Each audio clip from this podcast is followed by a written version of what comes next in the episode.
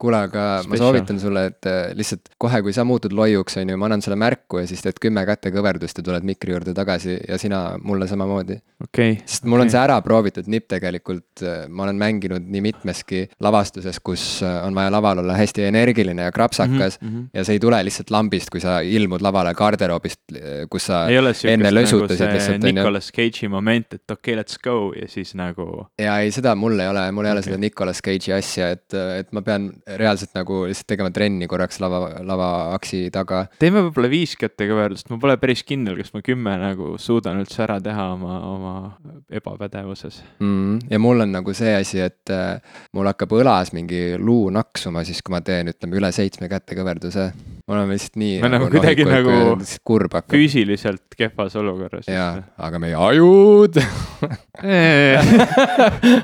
It's okay, I guess.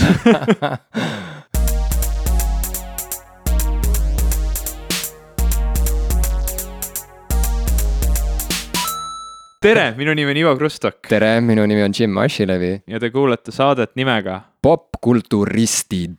yeah.. Kõik teevad alati selle popkulturistiga mingit värki, ma saan öelda, et kõik, sellepärast et eelmine kord oli mul külalissaatejuht, eks ole, Helene mm. -hmm. Vetik, kes ka tegi mingi värgi selle popkulturistidega, mul on siuke tunne, et seda lihtsalt võib-olla ei tasugi niimoodi normaalselt saate alguses öelda, seda tulebki kuidagi rõhutada, kuidagi Muidugi. esile tuua. sellest juba on saanud mingisugune omaette asi, et kuulajad kindlasti iga kord ootavad, mismoodi nad seekord ütlevad seda sõna popkulturistid. see on nagu Simsonite algus, vaata. ja, see on saanud mm -hmm. osaks sellest brändist, ütleme nii. see on nagu sihuke jooksev nali ja selline äh, identiteet, jah, see ongi meie identiteet, mul on hea meel, et me oleme leidnud selle, see üks asi okei okay. äh,, sa kuulasid meie eelmist saadet, kus sa ise osa võtta ei saanud. mingis mõttes mul on isegi natuke kade selles osas, et, et sa said nagu sellise natuke sihuke outside look'i nagu saatele, mis mulje jäi? mulle jäi väga hea mulje, sest et äh, ma sain teada, et me teeme väga head saadet. no vot, aga vaata, siin on nüüd see nüanss juures, et või see konks, et võib-olla see saade tundus mulle hea, sest mind ei olnud seal ja võib-olla ülejäänud aeg tegelikult saade kannatab. me isegi saime ühelt kuulajalt sellist väga ülistavat tagasisidet, et hoidke see naine alles. mm. -hmm. noh, et nii hea saade oli põhimõtteliselt, kui Helene oli stuudios ja mind ei olnud. tere, Alari, ma käisin just Brüsselis, aga ma ei näinud sind. et äh, jah, kõik need Alarid, kes meid kuulavad, arvavad, et sa rääkisid temast. just, ma rääkisin just sinuga, Alari. jah, ma arvan, et meil on vähemalt kolmsada Alarit, kes meid no kuulavad., täpselt, see, aga nii, vot seda tulebki, tuleb leida mingi hästi levinud nimi ja siis sellele viidata nagu Hello Internetis on Tim. aga tead, mis mulle väga meeldis selle eelmise saate puhul, see, et ähm,, no mis mulle seal meeldiski, ma ei tea, ma loodan, et sulle meeldis minu mahehääl näiteks või, või see ja see, see, see on ammu toredad juba, diskussioonid. põlved lähevad nõrgaks iga kord, kui sa räägid, aga kui Helene Jaa. hakkas rääkima, mulle tema hääl ka väga meeldis No. tõsiselt. ei, kusjuures mulle ka, ma pärast kuulasin seda, kuigi ma kuulasin seda selles nii-öelda selles äh, chipmunk kiirusel, et ühe, üks koma viis korda kiirendusel, et me mõlemad kõlasime küllaltki naeruväärselt. aga, aga ma ikkagi mingitel aegadel siis nagu aeglustasin seda maha, et siis kuulata, kuidas me tegelikult kõlame ja ma arvan, et me kõlasime päris hästi. aga ma tahtsin tegelikult seda öelda, et ähm, see erisaade, mida te tegite koos Helene Vetikuga, kes on tuntud kui uus-tuus moeblogija ja disainer ja kes rääkis ka palju oma õega kahasse tehtud raamatust Lolle küsimusi pole olemas mm. -hmm. mille me loosime õige pea välja. jah, katsuge, kirjutage ikkagi meile, eks ole, kirjutage ja, ja siis te osalete loosimisel. ja et kõik tingimused, me oleme neid pasundanud oma sotsiaalmeedialehtedel, ei hakka neid üle kordama Ei. praegu, aga raamat on veel saadaval ja ko- kohe enam ei ole Mm. ja need, kes ei saa seda meie saatest, need saavad selle poest, ühesõnaga seda ma ei pea üldse rääkima, aga see eelmine popkulturistide osa tõestas seda, et aeg-ajalt ikkagi meil tasub kutsuda külla ägedaid inimesi. ma olen nõus. sest et nii mõnigi kuulaja tegelikult on meile ka vihjanud, et jube tore oleks kuulda ka teiste, võib-olla siis see on sihuke peidetud soov, et tahaks kuulda vahepeal mõne nagu aruka inimese mm -hmm, arvamust, mhm, on ju, kes mhm. tõesti teab, millest ta räägib. jah, et, et kui me nüüd korra seda pakkusime, eks ole, et Helene Vetik tuli ja tõesti rääkis popkultuurist niimoodi, nagu ta, nagu sellest võiks rääkida. jah, täpselt, eks ole Mhm, nagu vahelduseks. tegelikult ka rääkis popkulturistist või tähendab, sorry, popkultuurist mul on juba sõnad. ja ei ole midagi, see viski töötab Mm. mm., aga et, et siis jah, ma ei teagi, ma, ma väga nagu ei kibele siit stuudiost ära, on ju, et, et mul oli tegelikult nagu halb tunne eemal olla. olude sunnil ma pidin olema ja sellest ma tahaks sinuga lähemalt rääkida mm. nüüd meie järgmises teemaplokis. ma tahaks sinuga rääkida sellest, kuidas üks mõistlik inimene peaks ikkagi tänapäeval oma aega jaotama, nii et ta jääks inimeseks mm. -hmm. aga sinna me siis jõuame, et, et ühesõnaga me mõtleme nüüd siis edaspidi, et mis nipiga me saame kuidagi inimesi endale külla nii et me ise ei peaks millestki ilma jääma, aga nii, et äh, ei läheks ka see saade, ei muutuks millekski muuks, et. sest et meil ei ole eesmärki ju hakata tegema mingeid intervjuu saateid, vaata see oligi see, see oli nagu teadlik otsus kohe algusest peale, et. Just two guys who are having a good time yeah,, having a yeah. good time, having a good time, et. ma ei tea, mis lugu see on. ei tea või? ma panen saate märkmetesse lingi, Lonely Island. ei, ei, ei tea. ma näen jälle, ma ei ole popkultuuris mingisugune yeah. ekspert ilmselgelt. aina rohkem tekib see küsimus, et et. Äh, millest me millest räägime, me räägime siis aga ähm, et, et ja, et, et see formaat jääb selliseks. ärge muretsege, me ei kao kumbki kuhugi. ja, et ma me olen... ei kao kuskile, aga me äh, siis äh, nüüd oleme saanud tõestust, et aeg-ajalt on väga värskendav, kui mõni helge pea ja karismaatiline inimene on meil külas. ma arvan, et see on selles suhtes oluline, et, et mm, meie, noh, me ei taha loomulikult seda saadet väga palju muuta, ma väga tundsin puudust sinust viimane kord oh,. ära hakka, tead. olgugi, kui tore mul oli Helenega vestelda, aga mm. -hmm. Äh, seda ma kuulsin jah, kui tore teil oli. tuleb ette olukordi, kus mina ei saa tulla, sina ei saa tulla ja noh, saade on ikkagi vaja välja saada, kuulajad tahavad kuulata ja meie tahame ka teha saadet, nii et ma arvan, et tekib olukordi, kus on täiesti mõistlik külaline kutsuda ja saadet võib-olla natuke värvikamaks muuta.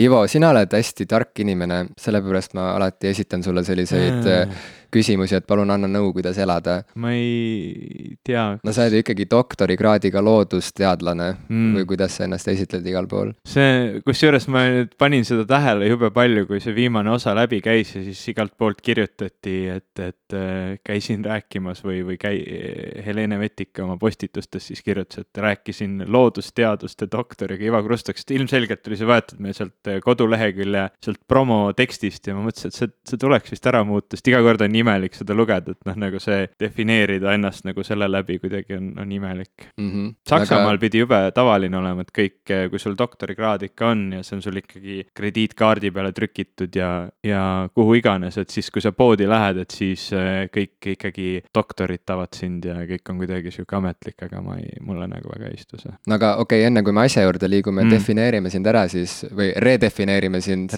paneme paika kasvõi visandlikult, kes sa siis oled ikkagi? abikaasa abikaasa. ah, lõpeta loomaarmastaja ma ei tea. käisin külas abikaasal ja loomaarmastajal Ivo Krustokil rääkisime popkultuurist niimoodi või? näiteks, ei tege-, ma ei, ma ei teagi, kes ma siis olen, ma olen äh, siin selle saate kontekstis, ma olen äh, podcast'i tegija. see ei kõla ägedalt, sa ju saad aru, selles mõttes mm. loodusteadusteaduste doktor, vaata, see vähemalt sellel oli mingi, see kehtestas ennast. no mina olen kirjanik, kaldkriips, näitleja mm.. selle juurde me kohe jõuamegi. teadlane, äh, ma, ma ei ole enam teadlane ka päris täpselt, no ma tahan olla teadlane mm.. kas see on Huvitav. see koht, kus me saame avada nüüd selle küsimuse nagu laiemale Võibolla auditooriumile, et mm -hmm. palun kirjutage meile kas Facebooki, Twitterisse või meie, meie meiliaadressile popkulturistid.gmail.com, et kellena teile, Ivo, paistab, et kuidas mm -hmm. oleks seda nagu lahe tituleerida, sest et nagu, nagu näha või nagu kuulda, et siis inimene ise ka ei tea tegelikult. identiteedikriis ilmselgelt, eks ole mm. -hmm. mõnes mõttes mul on veidi sabin nüüd sees, et ma tahan sult küsida nagu elunõu ja, ja, ja nagu ma nüüd just sain tõestust, et tegelikult sa, sa ka nagu ei, sa ei saa isegi aru, kes sa oled või mis aga, sa oled. aga Jim, kes meist saab, ma arvan, et, et ka kõige siuksemad äh, inimesed, kelle puhul sa vaatadki nagu altpoolt üles ja mõtled, vau, et sellel inimesel on ikka nagu asjad paigas ja ära defineeritud, ega ma ei tea, ma nagu väga ei usalda seda, et tegelikult ikka on või, või ma ei usu väga seda sügavalt. aga võib-olla, noh, ma ei tea, võib-olla on see sihuke en, ise enda nurga alt vaatad ja mõtled, et nagu minul küll ei ole, et võib-olla siis teistel ka ei ole või, ma ei tea mm. -hmm. ja siis kõik need inimesed, kes teavad, kes nad on ja mida nad tahavad, need on siis need, kes päriselt nagu juhivad seda maailma võib-olla, ma ei tea okei okay,, aga ma siis ikkagi riskin ja küsin sult nõu. Äh, noh, mina defineerin ennast peamiselt, kui on vaja lühidalt kokku võtta, ma ütlen, ma olen kirjanik ja näitleja mm. -hmm. aga reaalsus on see, et ma tegelen nii paljude asjadega, et ma vahepeal ise ka kaotan nagu ülevaate või selge nagu arusaama sellest, et millega ma siis ikkagi nüüd tegelen või, või, või mul isegi seda ei ole, et kes ma olen, ma saan aru, et ma lihtsalt olen mina kogu aeg erinevates äh, tegevustes, erinevat, erinevaid kohustusi täites. aga põhjus, miks ma näiteks eelmine kord puudusin, oligi see, et ma lihtsalt olin täiesti üle kurnatud ja ma olin täiesti sõlmes omadega, oma graafikutega, sellega, kuidas ennast jagada erinevate kohustuste vahel, see läks täiesti üle käte ja mõnes mõttes on seda siiani, aga ma nüüd kuidagi üritan seda sõlme lahti harutada, eh, niimoodi tibusammudega liigun edasi, see on jube keeruline ja ma vahetevahel võtan hetke, et eh, nagu üles lugeda enda jaoks, et millega ma siis tegelen või mi, mis on need minu kohustused.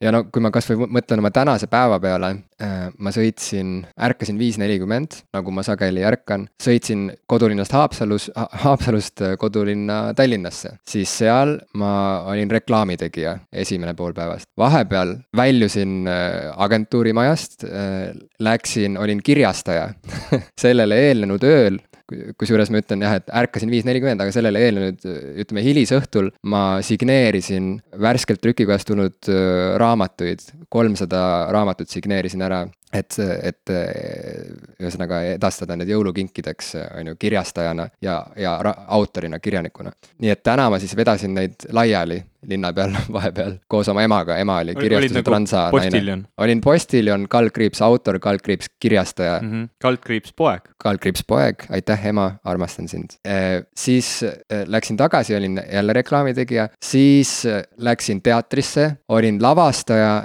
ja olin dramaturg, selles mõttes ma just reaalselt praegu otse tulen Vatt äh, teatrist, kus ma juhendasin ühe näidendi äh, arendamist ja, ja toimus selline avalik ettelugemine publikule, et äh, näidata siis, et avada see kirjaniku loo, loomisprotsess, ühesõnaga, et ma olin korraga trupile lavastaja. Ja see oli publikule jah, ja see oli sellele näitekirjanikule siis sihuke nagu äh, avalik töötuba või midagi mm -hmm. sellist, et täna oli siis selle selline nagu finaal. ja nüüd ma tulen siia, ma olen popkulturist ühesõnaga, sa näed, sa saad aru juba ammu yeah., on ju, kuhu ma selle jutuga tüürin. ja need päevad on kogu aeg erinevad, need on, see on nagu mingi pusle, millel on nagu kümme tuhat tükki ja ma ei ole näinud selle kaane pealt pilti, on ju, et kaas on kadunud kuskilt, ma ei tea, mis pilt sellest kõigest, kõigest kokku tuleb, ma iga päev improviseerin, üritan mingeid tükke kokku panna.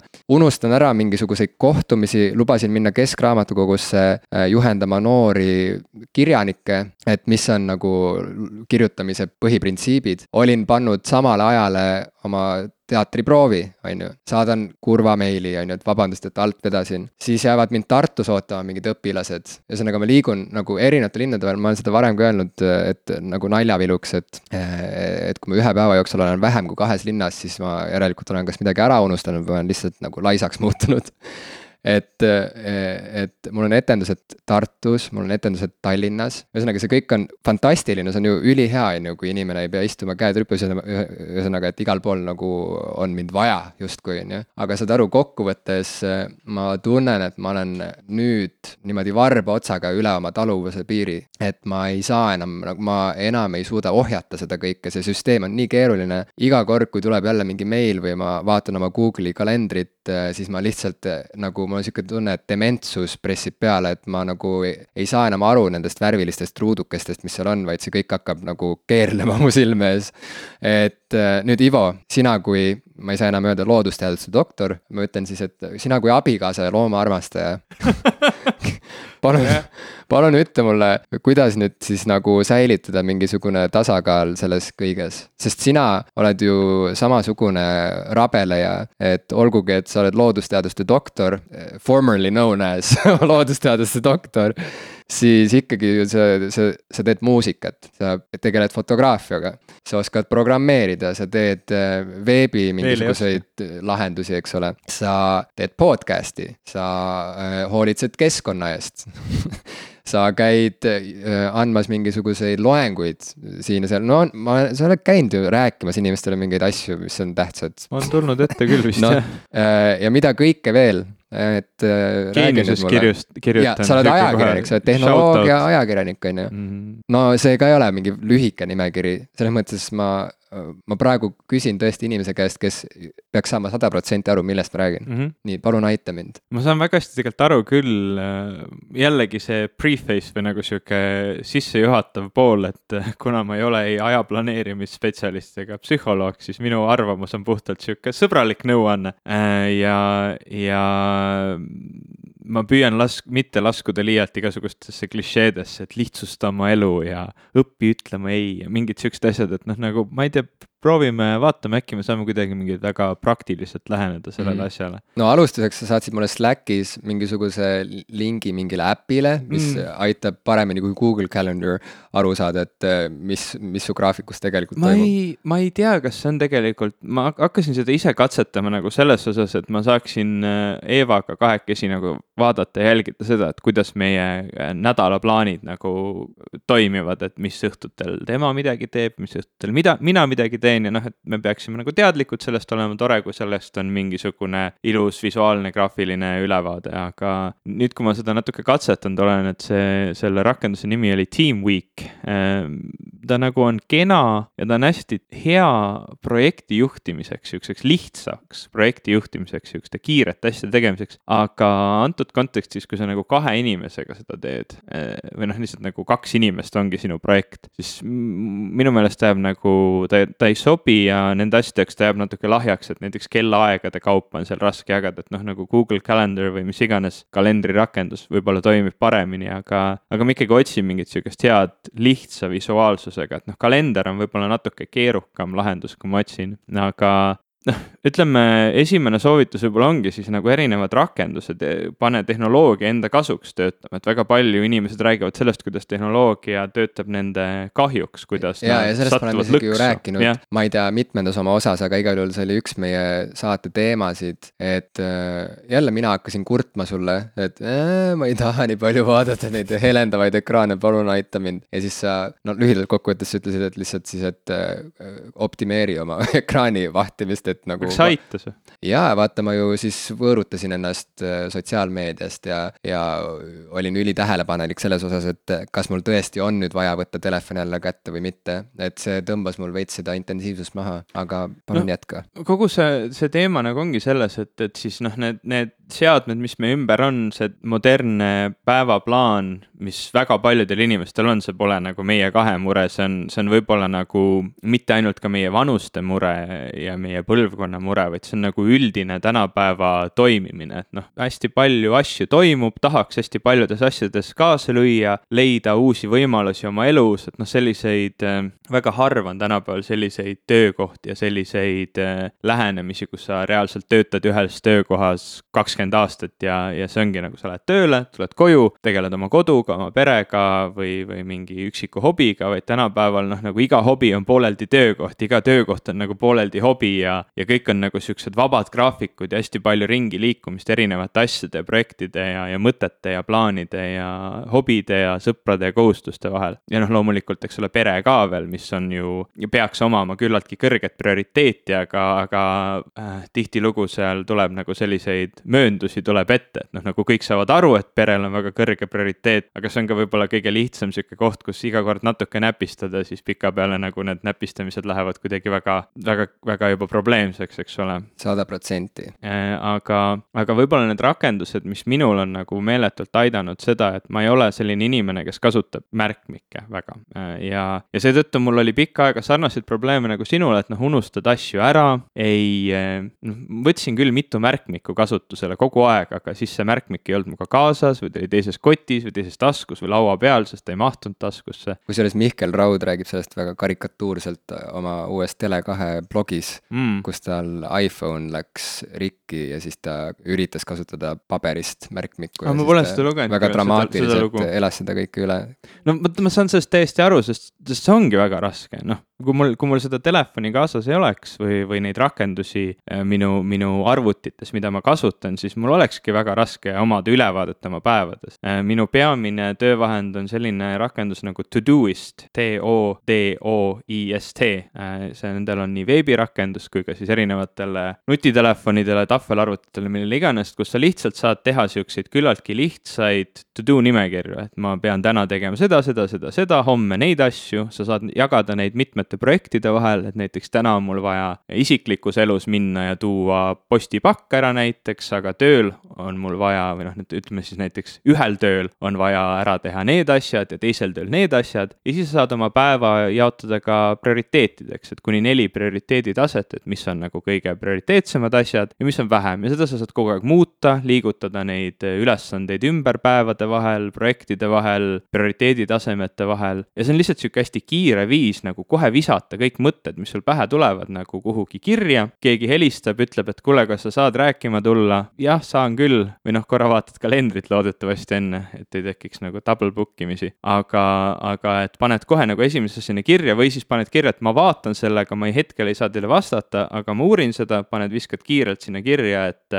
et vaatan, kas saan minna, ma ei tea, raamatukokku inimestega rääkima ja, ja esimesel hetkel siis, kui sa jälle oma to-do list'i lahti võtad, siis sa vaatad selle korra üle ja mõtled, ahah, okei okay,, ma vaatan nüüd oma kalendrist järgi. või noh, kalender on nagu selline asi, jällegi märkmikke ma ei kasuta, neid kalendermärkmikke, aga, aga ilma nagu selle arvutis oleva kalendrita, mis sünkroniseerib erinevate seadmete vahel, on kogu aeg nagu uuendatud, et see on ka nagu sihuke asi, milleta ma enam absoluutselt hakkama ei saaks. ja ma usun, et nagu enamus inimesed, kes töötavad kuskil mingil kontoritööl või üks, ükskõik millisel tööl tegelikult on väga raske ilma sellise virtuaalse kalendrita hakkama saada. et need on nagu sihuke kaks põhiasja, sihuke loo omale selline digitaalne süsteem, mida sa saad igal hetkel avada, vaadata ja täiendada, et sa nagu tunnetaksid ära. see kõla-, nüüd ma tunnen, et see kõlas kuidagi liiga nagu siukselt pitch'i, pitch ivalt, et nagu see on minu minu müügiargument sulle, aga tegelikult see on lihtsalt see, mis minul endal on nagu väga pika kogemusega tulnud, et, et lihtsalt ma nagu fail isin hästi palju kõikidel nendel asjadel. unustad kogu aeg asju ära ja ei saa asjad õigel ajal kirja või õigesse kohta ja lihtsalt nagu asjad lähevad meelest ära,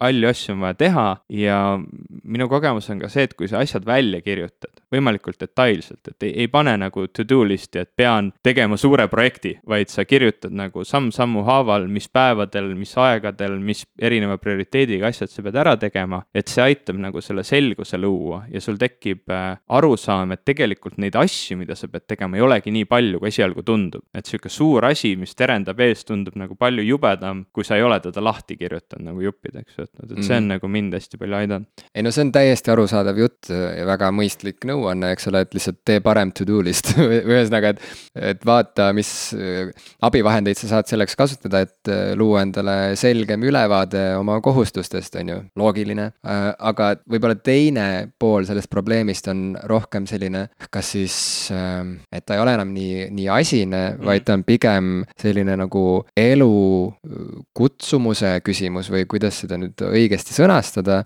et see on ju kuidagi, nagu sa isegi ütlesid, iseloomulik meie põlvkonnale juba mm -hmm. kindlasti, et inimesed hüppavad väga erinevate rollide, distsipliinide vahel, et äh, loomulikult on sellist multitask imist olnud alati, loomulikult on, aga siiski, kui ma vaatan oma vanavanemate põlvkonda näiteks, siis no minu vanaema on töötanud meditsiinitöötajana, ta just hiljuti ütles mulle, kas viiskümmend aastat järjest, midagi sellist. no neljakümne ja viiekümne aasta vahele jääb tema see töökogemus ja inimene on olnud väga stabiilselt ja järjekindlalt ühe eriala peal. ja no ma enda puhul näen, et muidugi ma ju jään kirjutama nii kauaks, kui ma jaksan, ma ju jään ka teatri ja muu loominguga tegelema nii kaua, kui ma jaksan. et ma saan aru sellest pühendumusest ja järjekindlusest ja, ja miks see oluline on ja mida see annab, et, et mis sealt saab nagu ajaga kasvada välja või kuhu saab areneda ja nii edasi. aga siiski nagu nii mitmekesist sellist siblimist. no seda varem ei olnud nii palju kui praegu, sest et noh, inimestel lihtsalt ongi rohkem, on ju, valikuvõimalusi eh,. nagu sa ütlesid, et töö nagu on töö, aga samas su töö on ikkagi nagu su hobi ka ja ühesõnaga, et see vabaduse ihalus, selle noh, seda nagu nauditakse ikkagi täiel rinnal eh, nüüd, nüüd juba. ja ma ei tea, see on loonud mingisuguse sihukese hästi imeliku nagu ma ei tea, kas mingisuguse, mingi süvenematuse kultuuri või, või mulle tundub, et see on nagu väike killuke mingist suuremast äh, see on mingi pisike sümptom mingisugusest suuremast teemast, mis üleüldse äh, iseloomustab meie ajastut, äh, meie elu siin ühiskonnas. et vaat, ma olen kuulnud mingisugust sellist kriitikat või kui mina hakkasin loominguga aktiivsemalt tegelema, siis vahel kritiseeriti, et ei no ega inimene ei saa kõike hästi osata, et tuleb ikka valida üks tee ja siis sa lähed mööda seda rada ja katsud seal nagu saada enam-vähem heaks, võib-olla saab sinust isegi täitsa hea tegija, aga seda, et nüüd teha nagu kõike korraga, et unusta ära. aga mulle see tundus kohe alguses kuidagi nagu pelutav, sest et noh, ma nii tugevalt tundsin, et no aga mul on ju erinevaid huvisid ja mõnes mõttes need huvid nagu võistlevad omavahel, et, et, et see ei ole nii, et üks on väga palju tähtsam kui teine, et need ambitsioonid, et pigem mul on alati olnud nii, et mul tuleb mingisugune idee ja siis see idee ise ütleb, mis vormis ta tahab nagu äh, valmis saada või realiseeruda. ja ni niimoodi oli kirjutades, kui mul tuli mingi idee ja ma tundsin, et okei okay,, see, see idee tahab välja tulla näidendina, siis ma lihtsalt pidin hakkama kirjutama näidendit, mis sest, et ma ei olnud varem kirjutanud näidendit ja ma ei teadnud, kuidas see kõik käib, on ju. ja nii on nagu kõige muuga, et, et see idee ise nagu kehtestab, et mida ma teen ja nüüd on ju kõige üks värskemaid ideid, mida me sinuga jagame, ongi see, et tahaks teha podcast'i, on ju. et see, mida me sinuga otsisime, et tundus, et noh, kõige mõistlikum on seda teha podcast'i vormis, et see oleks see, mis oleks nagu äge. ja siis me teeme seda, eks ole, aga mis sa arvad nagu, kas see süvenematuse kultuur, kas see on mingisugune asi, mida sa julged ka kuidagi niimoodi halvustavalt või noh, okei okay,, mitte halvustavalt, huvitav, kas sa, kas sa julged öelda, et see on mingi asi, mis iseloomustab meie praegust aega noh, kasvõi seda, kuidas inimesed meediat tarbivad, on ju, ei loe pealkirjast edasi ja nii edasi, et sihuke nagu. et no sihuke hüplemine, pidev hüplemine ja sa justkui kuskile ei lähegi päriselt nagu sügavale sisse.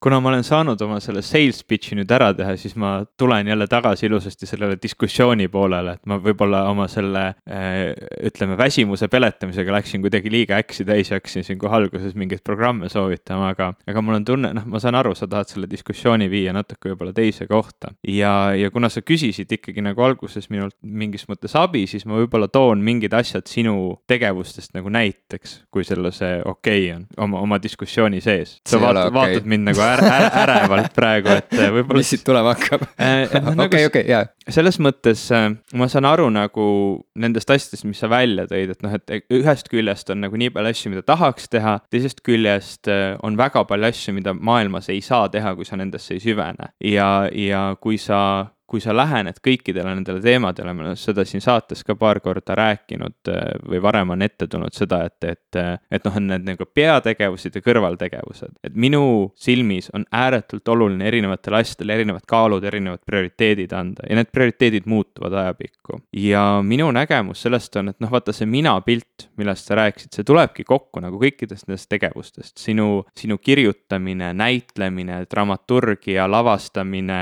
äh, töö, eks ole reklaamiagentuuris, kõik need asjad nagu väljendavad sind, aga kõik need asjad on ka omavahel väga selgelt seotud. Need on erinevad väljendused sinu oskustest ja võimetest ja erinevad viisid sinu oskusi ja võimeid täiendada. nüüd äh, valides mingisuguse suuna, kas see on siis kirjutamine või ütleme oma, nüüd valides oma ütleme võimetele ja oskustele mingi väljenduse, kas sa teed siis seda kirjutades, lavastades või agentuuris, pead sa teatava vilumuse sellel asjal saavutama ja teatava nagu võimekuse, et sa saaksid seda üldse sisukalt teha. Ja ja mingid asjad nagu täiendavad üksteist, näiteks fakt, et sa äh, oled aastaid näiteks kirjutanud, noh, oletame, et see on nagu sihuke algpunkt, et sa kunagi väga noorena juba leidsid, et sulle meeldib kirjutada, sa hakkasid sellega tegelema ja said nagu ajapikku järjest rohkem pädevaks. see võime kirjutada, need oskused, mida sa oled kirjutamisest saanud, empaatiavõime äh,, ütleme, võime vaadata suuremaid pilte, võime luua tegelasi, võime neid tegelasi kuidagi nagu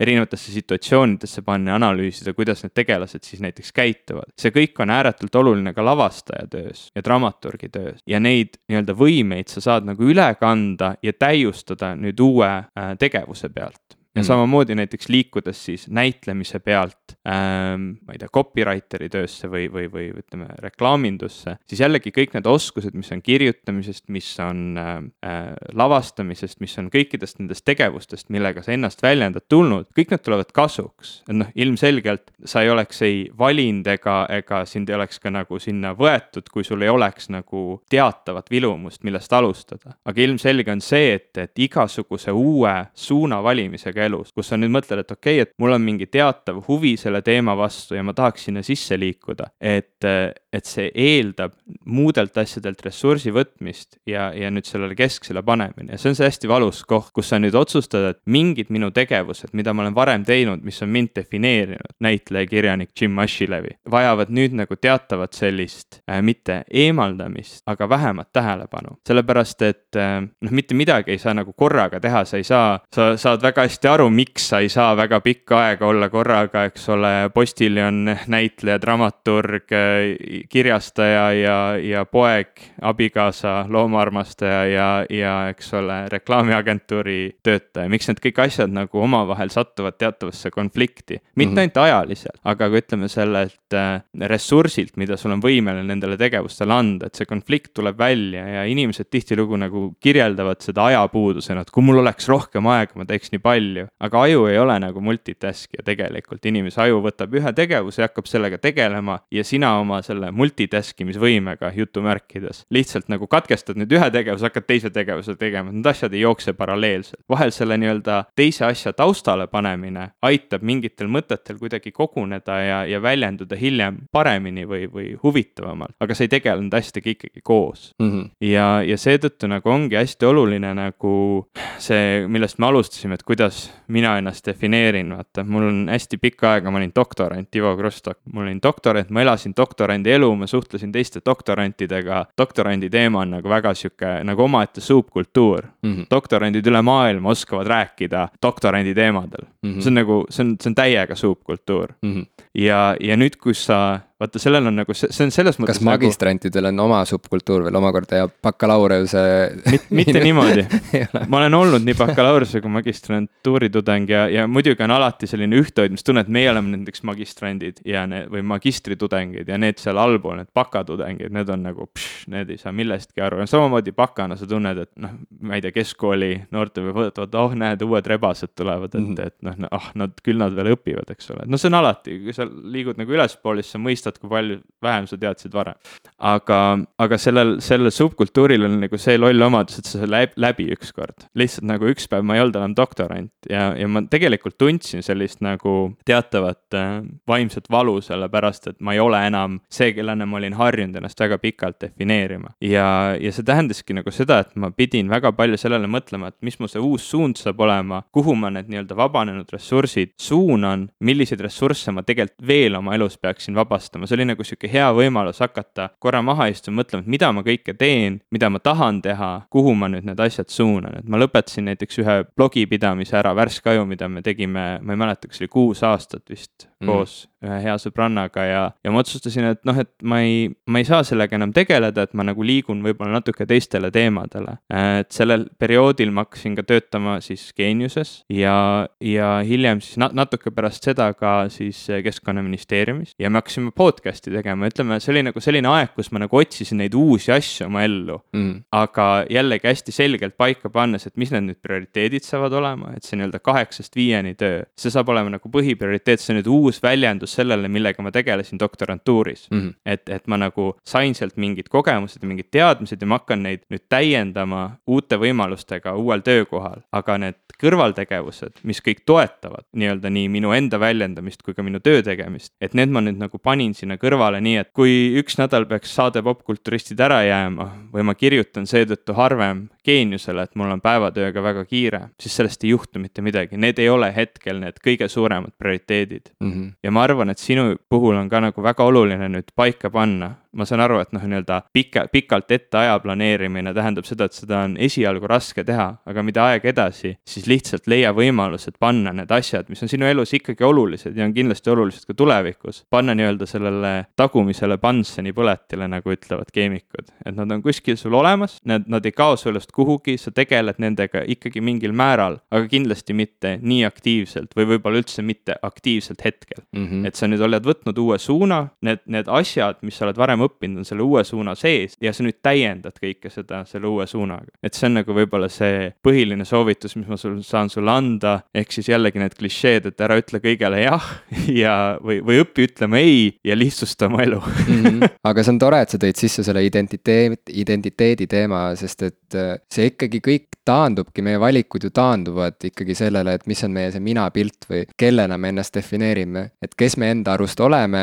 enda jaoks ja, ja teiste jaoks või et kes me, kes me tahame olla enda silmis ja teiste silmis ja kokkuvõttes, kui valikuid on rohkem, siis on ka äh, seda segadust rohkem, eks ole, selle võrra. ja ma ei taha üldse romantiseerida seda, et oh, oleks vaid valikuid vähem, et küll siis oleks nagu lihtne, on ju, et tahaks tagasi sinna nagu raskemasse aega, kus nagu ei saanud midagi valida, et lihtsalt nagu seda, mida sa õppisid, seda sa läksid tegema ja oligi kõik, on ju, või midagi sellist, aga ei, ma ei taha seda öelda, lihtsalt nagu see identiteedi küsimus jah, vaat sellepärast ma ka ei tunne ennast nagu sada protsenti halvasti praegu, et ma niimoodi avalikult küsin sult jälle sellist nagu hingeabi. Et mulle tundub, et et see on mingisugune laiem probleem, et see ei ole mingi teema, millega ainult mina maadlen. ja noh, kuna ma olen lugenud ka erinevaid artikleid selle kohta, kui käsitletakse seda nii-öelda Y-põlvkonda, kogu see põlvkondade teema on noh, sihuke kahtlane minu jaoks alati olnud, aga okei okay,, no praegu teen selle möönduse, ütleme, et see Y-põlvkond võib-olla tõesti on ju, me olemegi natukene nagu püsimatumad. natuke siuksed nagu ringi siblijad ja, ja väljastpoolt või kõrvalt vaadates võib jääda mulje, et kuulge, et kas te millelegi keskendute ka üldse või kas te millegagi nagu süvitsi ka lähete või te ainult siblite ringi ja ei suuda ära otsustada, et mida te siis nagu ikkagi päriselt tahate, et mõnes mõttes see on sihuke nagu noh, ma ei tea, et nagu lapsed kommipoes vaata, et nee, et noh, tahaks nagu kõike, aga samas ma ei taha midagi ja siis sa püherdad seal põrandal lihtsalt ja tahad saada tähelepanu. aga noh, see ei ole ka üks-ühele nii mustvalge. okei okay,, aga kokkuvõttes ähm, aitäh sulle, tark inimene, abikaasa ja loomaarmastaja. ma arvan, ma lihtsalt pean nagu kuulama nüüd üle seda, mida sa rääkisid, et seda kinnistada, kuigi ma juba praegu sain aru, et jah, no kõik see, mida sa rääkisid, need ongi ju need põhitõed, aga see ongi see veider asi, saad aru. no aga sa tead tegelikult neid asju, see ei ole see, et sa neid ei tea, vaid võib-olla sul on vaja nagu rohkem seda, seda kuulda keskkonnast ja võib-olla on üldse inimestel vaja seda, seda kuulda keskkonnast rohkem, et asi ei olegi mitte selles siblimises, nagu sa välja tõid, et seda, seda kirjeldatakse siblimisena, et no mis sa ei saa siis keskenduda ühele asjale, vaid, vaid elus ongi vaja väga palju erinevaid kogemusi ja väga paljude tööde, asjade, projektide tegemiseks on vaja väga palju kogemusi. kõrvaltegevused toidavad või noh, ütleme, siin on jälle see, et mina jaotan asju omal kõrvale põhitegevusteks, aga igasugused tegevused toidavad teisi tegevusi. Need ei ole nagu eraldiseisvad asjad, sa ei jookse ühe kommikarbi juurest teise juurde, need ei ole nagu kaks täiesti erinevat asja. Nad on ühe kommikarbi nagu erinevad osad ja kui sul on vaja see kommikarp ükskord tühjaks süüa, siis sa võib-olla tüdined nagu ühest nurgast ära, lähed vahepeal teise asja juurde ja, ja kõik see on nagu täpselt seesama asi, see analoogia ei tööta absoluutselt, aga whatever. ma üritan sind ja seda analoogiat jälgida see kommikarp mm,, ja, ja, aga okei okay,, ei, aga no mine lõpuni sellega. ühesõnaga. me saame aru, mida sa tahad põhimõtteliselt öelda. Et noh, põhimõte ongi selles, et, et need ei ole ju, need ei ole erinevad asjad, vaid need kõik toidavad nagu seda, seda sinu, neid asju, mida sina elus tahad teha. Ja need ei ole täiesti nagu erinevad asjad, isegi kõige erinevad, erinevamad asjad, mida sa suudad ette kujutada, neil on punkte, mis täiendavad üksteist, ma ei tea, viiulimängija ja, ja traktorist, eks ole, need, need kogemused, mida sa viiulit mängides saad, need võimed näiteks keskenduda, võime, ütleme, visualiseerida muusikat ja, ja võime nagu kuulda, võime mm,, ma ei tea, mida iganes, eks ole, kõik need võimed kanduvad üle mingitele teistele elementidele, näiteks traktoristi töös, eks ole, ja, ja vastupidi, et noh, et, et neid asju ei tasuks nagu vaadata see, et ma teen erinevaid asju, vaid ma täiendan ennast. ja, ja sinu puhul noh, jällegi sinu, ma ei tea, uus päevatöö ei ole see, et sa nüüd teed täiesti teist asja, vaid sa täiendad oma oskusi nüüd natuke teisel suunal ja see tähendab, et need, need asjad, mida sa varasemalt võib-olla kõige, kõige kesksena oma elus hoidsid, need peavad nüüd nagu selle kõrvalrolli võtma ja seda on alguses hästi raske ja valus teha, aga noh, see on, see ongi lihtsalt see, et sa ei saa kõike korraga teha, siblimine, noh, ütleme siblimine selle selles suhtes on natuke mõttetu, et sa püüad nagu kõike sada protsenti teha, et see, see siblimine ei tööta, sest siis sa ei tee nagu midagi õigeti, aga see, et sa nüüd võtad ühe uue põhitegevuse ja need teised asjad nagu vahel kannatavad seetõttu, et sellest ei ole mitte midagi halba, need ei kao su elust ära ja isegi hoolimata sellest, et sa näiteks võib-olla aktiivselt ei näitle, ei lavasta, ei kirjuta mõned aastad, see asi, mida sa teed aktiivselt, täiendab neid asju ja sealt välja tulles või kui sa nagu otsustad näiteks kolme aasta pärast, et nüüd ma tahan jälle olla näiteks lavastaja aktiivselt, siis see kõik sul, sul, sa ei ole nagu kaotanud midagi, pigem oled sa selle kogemusega võitnud jällegi. Aga mulle tundub, et see on hästi inimlik hirm ennast kaotada mm.. sest et äh, isegi kui selle hirmuga seisavad inimesed silmitsi äh, peaaegu et paratamatult, et elu lihtsalt on selline vastik muutlik kogu aeg. Mm. et äh, ja noh, jällegi see on teema, millest me oleme varem rääkinud, et, et, et minu sees on näiteks väga suur sihuke mm, mäss selles mõttes, et ühest küljest ma kogu aeg tahan uut, uut, uut, teisest küljest ma tahan, et kõik jääks kogu aeg samaks, samaks, samaks. ja äh, tegelikult ju, kui inimesed saavad näiteks lapsevanemateks, see on jälle mingisugune asi, mille puhul äh, on ju nii palju räägitud sellest, kuidas või tegelikult võib-olla ei ole piisavalt räägitud sellest, et, et noh, see klišee sihuke noh, ühesõnaga see sihuke Reformierakonna sünnitage hästi palju lapsi kogu aeg. see retoorika kõik on ju, selle jätame kõrvale, sest et see noh, see, see ei puuduta inimeseks olemist. on ju, see on mingi Exceli tabel, mis üritab olla Mhm. inimesenäoline. aga reaalselt nagu loomulikult on ju näiteks lapsevanemaks saamine on mingi asi, millest pole õrna aimugi, enne kui see pole juhtunud, on ju, sa ei, sa ei kujuta ette, mismoodi see elu muudab, on ju, kõik alati räägivad, see muudab su elu, on ju. ja seda räägitakse alati nagu sihukeses megapositiivses võtmes või noh, et Mhm. et, et no vot nüüd sa oled, nüüd, nüüd sa oled nagu Eesti inimene, on ju. et noh, et natukenegi nagu mõtled, on ju, mis meie rahvusest saad nagu mm. -hmm. toodad juurde. aga nagu reaalselt, et, et. Teie pole veel ennastki ära nullinud. no ma tean, ma tean, aga sinust ma ei hakka üldse rääkima No et, et teed siin podcast'i selle asemel, et asuda tegudele. naine Jah. ootab, tead, käed rüpes põhimõtteliselt et, et ma tahtsin lihtsalt seda rääkida, et, et see raske osa, vaata, et mi- mis puudutab nagu seda identi-, saad aru, see automaatne ühiskonna sõnum on see, et see on nagu et põhimõtteliselt nagu suurim positiivne identiteedi update, mida sa saad endale teha, on see, kui sa nagu saad järglase, on ju, ja hoolitsed tema eest hästi. aga see hirm, mis sellega kaasneb, kusjuures vaata, või see, see, see nagu negatiivne pool, et, et kuidas la, noh, lapsevanemaks saades sa ei saa enam teha kõike, mida sa varem tegid, sa ei saa lihtsalt suvaliselt nagu ilmuda, kaduda, sa ei saa nagu, ma ei tea, mitte teenida elatist näiteks, on ju. et noh, et noh, okei okay,, sa saad, on ju, ma, saad aru, ma ei räägi nagu on ju mustvalgelt, ma ei räägi mustvalgelt siin saates mitte kunagi, ma räägin väga nüansirikkalt alati värvikalt. et kõiki nüansse arvesse võttes. vähemalt viiskümmend halli varjut, varjundit. vähemalt viiskümmend tuhat halli varjundit, aga no sa saad ka aru juba ammu, on ju, kuhu ma sihin sellega. et, et näiteks väga paljud noored emad, kes jäävad lastega koju, sest noh, paratamatult need on pigem emad, kes jäävad lastega koju kui isad. et neil tekib näiteks mingisugune sihuke äralõigatuse tunne või sihuke kapseldumise tunne, et väljastpoolt inimesed hullult kiidavad ja ahhetavad, et issand, kui ilus on ju, et nüüd juhtuski teie, teie elus see kõige olulisem asi, on ju, palju õnne. aga nad ei saa kunagi olema seal kõrval, kui see inimene reaalselt tunneb seda, seda segadust nagu, et, et, et ta on olnud nagu nädalaid, nädalaid, nädalaid kodus selle väänleva, põhimõtteliselt nagu noh, kontaktivõimetu siukse nagu kapsaussiga, on ju. Kes kogu aeg vajab midagi ja tõesti on imearmas ja sa tahadki talle kõik anda, aga et kuhu mu elu jäi, et kas ma kunagi veel, kas, kui ma kunagi tasa, tagasi tulen, kas see elu on veel alles, saad aru, et kõik need hirmud, et see identiteedi küsimus, ühesõnaga. see ründab meid nagu igal ajahetkel, igal elu, igas elupunktis. siinjuures pro tipp inimestele, kes te meid kuulate, ärge palun ütelge inimestele, mida nad peavad tundma, vaid kui te lähete inimesega rääkima, siis uurige, kuidas nad ennast tunnevad. võib-olla nad tahavad rääkida sulle sellest, et mõni päev on lapsega jube raske, teine päev on jälle hästi tore. ärge nagu ütelge neile, et nende elu on nüüd lill, sest neil on laps. ma ei tea, lihtsalt vahemärkus. aga mulle meeldis see, et sa juhatasid selle sisse, et see on pro tipp. jah, no seda peab õppima vahel. et pro, vaata, et see tuli praegu pro, pro, professionaali suust tuli see nõuanne. ma olen äh, läbi vigade õppinud seda. okei. aga tead on üks asi vähemalt, mis identiteedi loomise juures on äh, ülivahva ja tavaliselt küllaltki valutu, riietumisstiil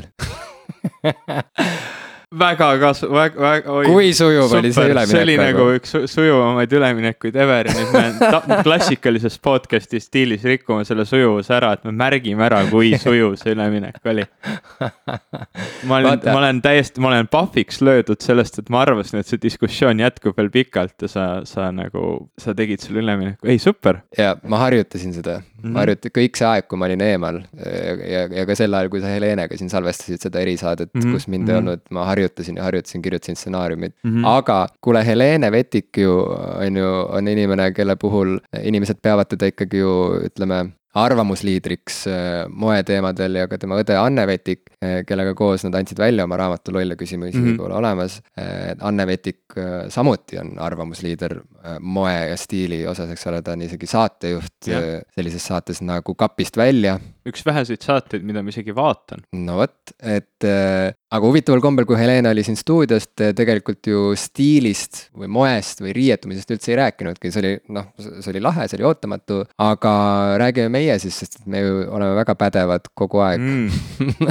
et, et vaata, vaata, kui naljakas on see, et kas sina oled kuulnud vahel inimesi ütlemas, et, et aa, mind ei huvita üldse nagu see, mis mul seljas on või et mm -hmm. noh, et ma lihtsalt nagu, et riided on lihtsalt nagu noh, asjad, mida mul on vaja, et, et oleks soe, on ju ma olen kindlasti isegi seda mõnel korral elus öelnud. et ma ei tea, kuidas see sulle kõlab, aga mulle see on alati kõlanud nagu, et, et see on, et noh, see jutt ei päde, et mm -hmm. nii ei saa mhm. öelda tegelikult. ei, loomulikult ja, ja, ja need inimesed, kes seda ütlevad ja ka kindlasti mina, kui ma olen seda minevikus öelnud, olen, olen valetanud või noh, ütleme mitte nagu võib-olla teadlikult valetanud, aga noh, see, see ei ole peaaegu kunagi tegelikult see, mida inimene tegelikult tunneb või ütleme ausalt sisimas sellest asjast mõtleb. aga no, kuidas sa tunned, et. aga siiski hästi pane teistele mõtteid pähe. hästi lai küsimus sulle, aga mismoodi siis äh, sina, mismoodi sinu stiil sinu identiteeti toetab ja väljendab. lai küsimus, selline mm. nagu hägune, aga ometi ju, kui vaadata sinu riidekappi, siis sul on seal mingi konkreetne valik mm -hmm. riideid, sa oled need ise valinud või sulle on kingitud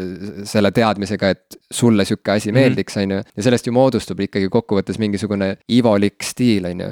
et öö, äh, oled sa süvenenumalt mõelnud selle peale tegelikult, et mida sa kannad või mida see sinu kohta ütleb? kindlasti, aga, aga see ei olegi nii, nii täpselt lihtne, et, et ma kannan neid asju, mis minu kohta midagi ütlevad või, või et, et et äh, või noh, et kas see on, kumba pidi see on, et kas see, mida ma kannan, ütleb minu kohta või mina ütlen sellega enda kohta midagi, mida ma kannan, kui sa saad sellest. ma arvan nagu..., et see on mõlemat korraga. see on nagu mõlemat korraga ja see ongi nagu selles suhtes keeruline, et, äh, et ma nagu väga tegelikult ühest küljest äh, pean väga lugu inimestest, kes on omale valinud mingi kindla stiili ja need jälgivad seda tõesti stiilipuhtalt. ma, ma pean sellest väga lugu, sest see on selline tugev otsus, see on julge otsus ja kui nad seda nagu niimoodi teevad, siis nad noh, üldiselt kannavad selle väga hästi välja, nad, nad suudavadki nagu luua endast mingi noh, nagu võrratu kuvandi ja, ja see on, see ongi lihtsalt äge. kui ma näen tänaval, eks ole, jalutab mulle vastu sihuke noh, näiteks äge mingi punkar, kes ongi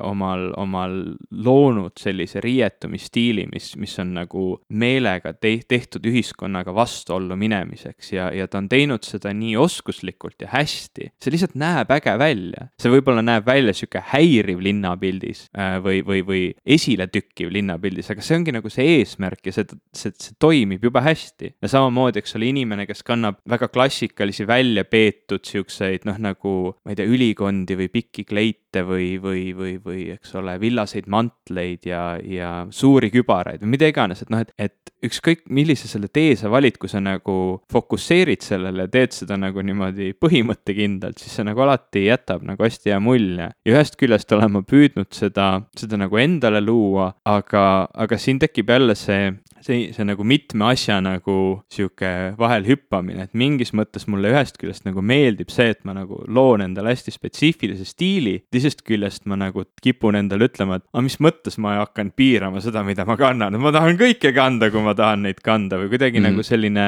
selline sisemine vastuolu natuke tekib äh, selles osas, et, äh, et mul nagu, ma tean, et mul ei ole sellist väga kindlat välja peetud stiilipuhast riietumisstiili, aga ühest küljest ma nagu tahaks seda, teisest küljest ma nagu ei tahaks, et ma tahakski välja näha nagu natuke boheemlane, kes lihtsalt äh, kuidagi nagu valib mingisuguse enda isikliku iluideaali järgi omale mingi toreda asja ja viskab selle selga mm. -hmm. ma ei tea, aga ma mõtlen riietust väga palju. kuidas sinul sellega on? ma, ma tegelikult, ma kujutan ette, et sa mõtled riietumisest küllaltki palju või vähemalt, et see on sinu jaoks oluline teema. aa, miks sa niimoodi ette kujutad? seepärast, et sa riietud üldiselt väga kenasti.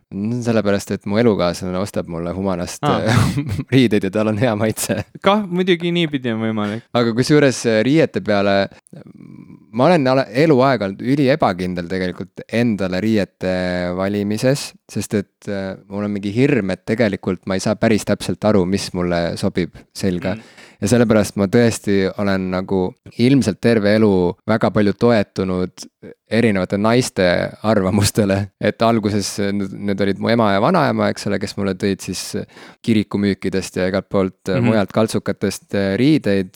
ja siis see valik oli rohkem sihuke nagu suvaline mõnes mõttes või noh, mul ei olnud nagu mingisugust arvamust või võib-olla okei okay,, mulle ei meeldi selle, ma ei tea, pusa värv, aga siis ma ikkagi mm -hmm. lõpuks nagu läksin kooli sellega, on ju. et aga siis sealt edasi erinevad sõbrannad ja, ja mu elukaaslane nüüd nagu, et ma ikkagi nagu vahetevahel isegi üritan endale nagu või noh, kuidagi, ma ei tea, manitsen ennast, et kuule, et võta kokku ennast, et mine nüüd üksi ükskord poodi ka, vaata, või noh, et otsusta midagi ise mm, -hmm. vaata, oma peaga, on ju. aga ma ei tea jah, et et see riiete värk, tead, peamised asjad, mida ma riietumise juures tegelikult silmas pean või jälgin, on, et oleks võimalikult vähe müra mm. -hmm. et oleks võimalikult vähe nagu visuaalset müra ja kuna ma enda sellist nagu värvikompositsiooni taju väga ei usalda ja üleüldse, kuna mu nagu maitsed ka muutuvad äh, ajas niimoodi, et ma ei jõua neil nagu järge pidada, et oota, kus ma nüüd omadega olen, siis ma, mulle meeldib lihtsalt lihtsustada ja praeguseks ma olen jõudnud mingisse punkti, kus mulle lihtsalt meeldib kanda nagu musta värvi riideid, et sa ei saa seal nii palju eksida, lihtsalt kui sa paned erinevaid musta värvi riideid, erinevaid kihte endale selga, siis nad ikkagi nagu sobivad kokku. loovad ühtse terviku. ja kunagi mingis moesaates keegi kuskil ütles, et nagu, et ära sa jumala eest üle kolme erineva värvi endale korraga selga pane, et siis läheb nagu karnevaliks kätte ära, on ju. see on see Ma... soovitus, mida meestele tihti antakse, et sul ei peaks asi. olema rohkem kui kolm põhitooni riietumises, et noh, et, et, et sul võivad nagu variatsioonid nendest värvidest olla, aga nagu kolm põhitooni.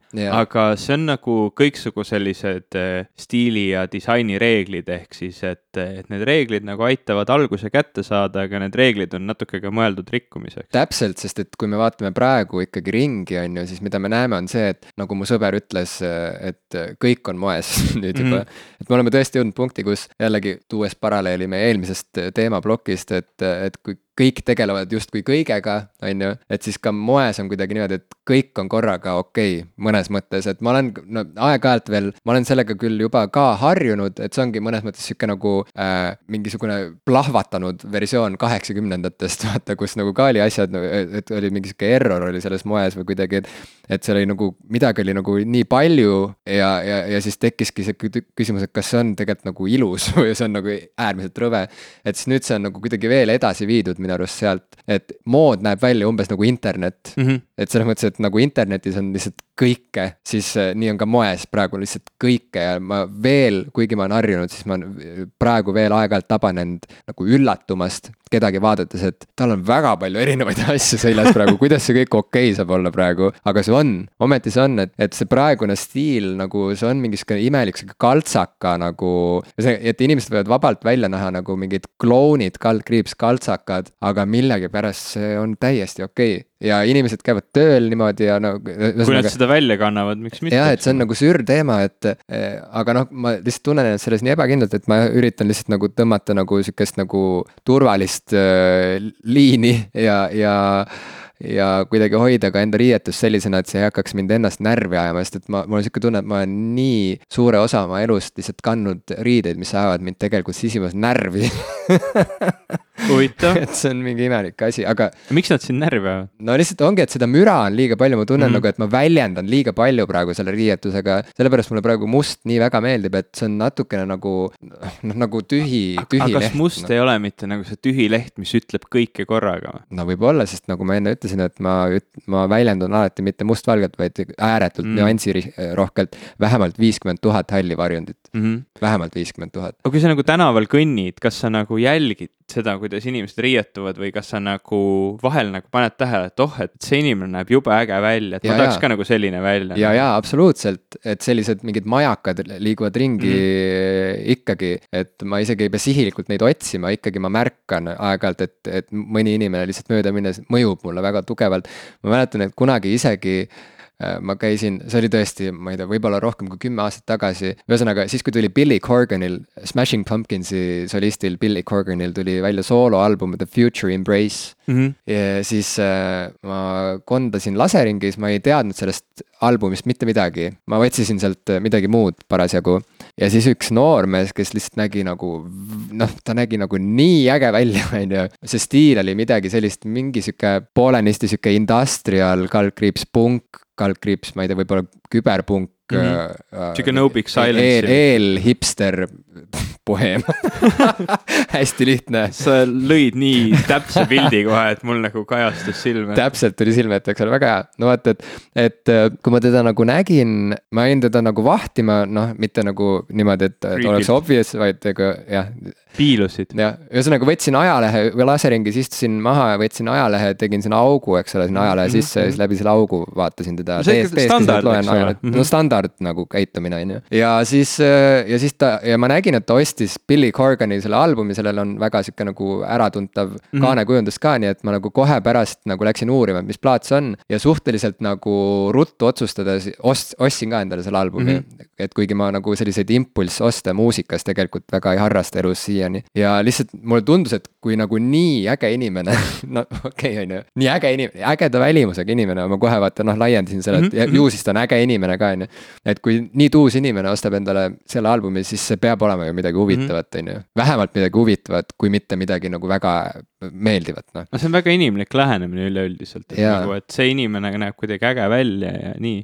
aga teeme mingi siukse, ma ei tea, moeajakirja mingi värgi, et nagu kui sa peaksid praegu, sul ei oleks nagu rahapiiranguid, kui sul ei oleks mingeid siukseid äh, peasiseseid selliseid äh, komplekse enda riietumise suhtes, et pane korra kokku, mis oleks sinu ideaalne nagu riietumisstiil, millega sa näiteks käiksid iga päev tööl, tänaval, liiguksid ringi, mis, mis, milline see välja näeks? aga tead, ma ei, ma ei tea, milline see välja näeks, ma ei oska muud öelda, kui et see oleks nagu võimalikult müravaene. minimalistlik. minimalistlik jah, minimalism nagu ütleb rohkem kui tuhat erinevat värvi hilpu su seljas, aga, aga. aga kas ta oleks sihuke tagasihoidlik pigem või sihuke klassikaline, stiilne, sihuke Karl Lagerfeld oma, oma, ma ei tea, ülikonna? ei, ma tahakski kanda igast erinevaid asju, ma tahaks kanda mingeid rämedalt suuri pusasid, mingeid värke, mis on täiesti nagu erroris mm, -hmm. aga aga vahepeal tahaks olla hästi sihuke nagu jah, minimal, šikk ja nii edasi, et tegelikult noh, see, see stiil stiiliks, tegelikult siit me jõuame ikkagi rahani ka mm. -hmm. et vaata, raha on minu arust nagu nii suur teema riietumise juures ka, et need inimesed, kes ütlevad, et neid ei huvita, mis nad kannavad või mis iganes, on ju, sageli see tuleneb ka sellest, et neil on nagu rahalised piirangud, reaalselt no no ei saa osta nagu kallimaid mm -hmm. jalanõusid kui lihtsalt, et Rimist vaata mm, -hmm. pead ostma talvesaapad. mis oli ka mul äh, hiljuti oli, ma mõtlesingi, et ma vist peaks Rimist ikkagi võtma, mulle mm -hmm. tundus nagu, et oh shit, et need, need kaheksakümne üheksa eurosed talvesaapad, mul väga oli vaja talvesaapaid, mul tõesti nagu auk oli tallas ja nagu. no see nagu ei aita keeruline. talvel väga vist. see talvel on jumala kehv et et jalg on kohe märg, on ju, aga ühesõnaga, et ja ma ikkagi nagu noh, süda tilkus nats verd, vaata ja siis oligi see, et ikkagi nagu ostsin endale kaheksakümne üheksa eurosed äh, talvesaapad, mis ju ei ole mingi röögatu hind, aga see on nagu noh, lihtsale inimesele mm -hmm. see on juba hind, mis paneb mõtlema, vaata. loomulikult, jaa. nii, aga see ei ole ju veel see tippklass, aga ma saan aru, et kui mul ei oleks rahalisi piiranguid, ma tegelikult saan aru sellest äh, eetilisest äh, nüüd momendist, on ju, mhm. nendes valikutes ka et äh, tegelikult ma olen ju puutunud kokku moeloojatega, äh, rõivatööstuses töötavate inimestega, kes üritavad ajada seda õiget asja. Äh, ma olen intervjueerinud ühte maailmakuulsat Eesti juurtega moeloojat, kes tegutseb Brasiilias, kui mu mälu mind ei peta. kes teeb väga kalleid jalanõusid ja riideid, eks ole, ja on tõesti mm -hmm. sihuke nagu no ikkagi nagu rikaste inimeste bränd. et siis ikkagi, et, et ma, et ma saan aru, et see on oluline ja tõesti nad mõtlevad läbi, kust tulevad need materjalid, kas need inimesed, kes noh, kes disainivad neid riideid, kes õmblevad neid reaalselt kokku, kes töötlevad neid kangaid, kas neid koheldakse normaalselt, kas nad saavad palka palka oma töö eest, on ju, mis on reaalselt noh, palk ja nii edasi, et mis mõjud on keskkonnale mm, -hmm. eks ole, et see kõik on mega oluline ju, on ju.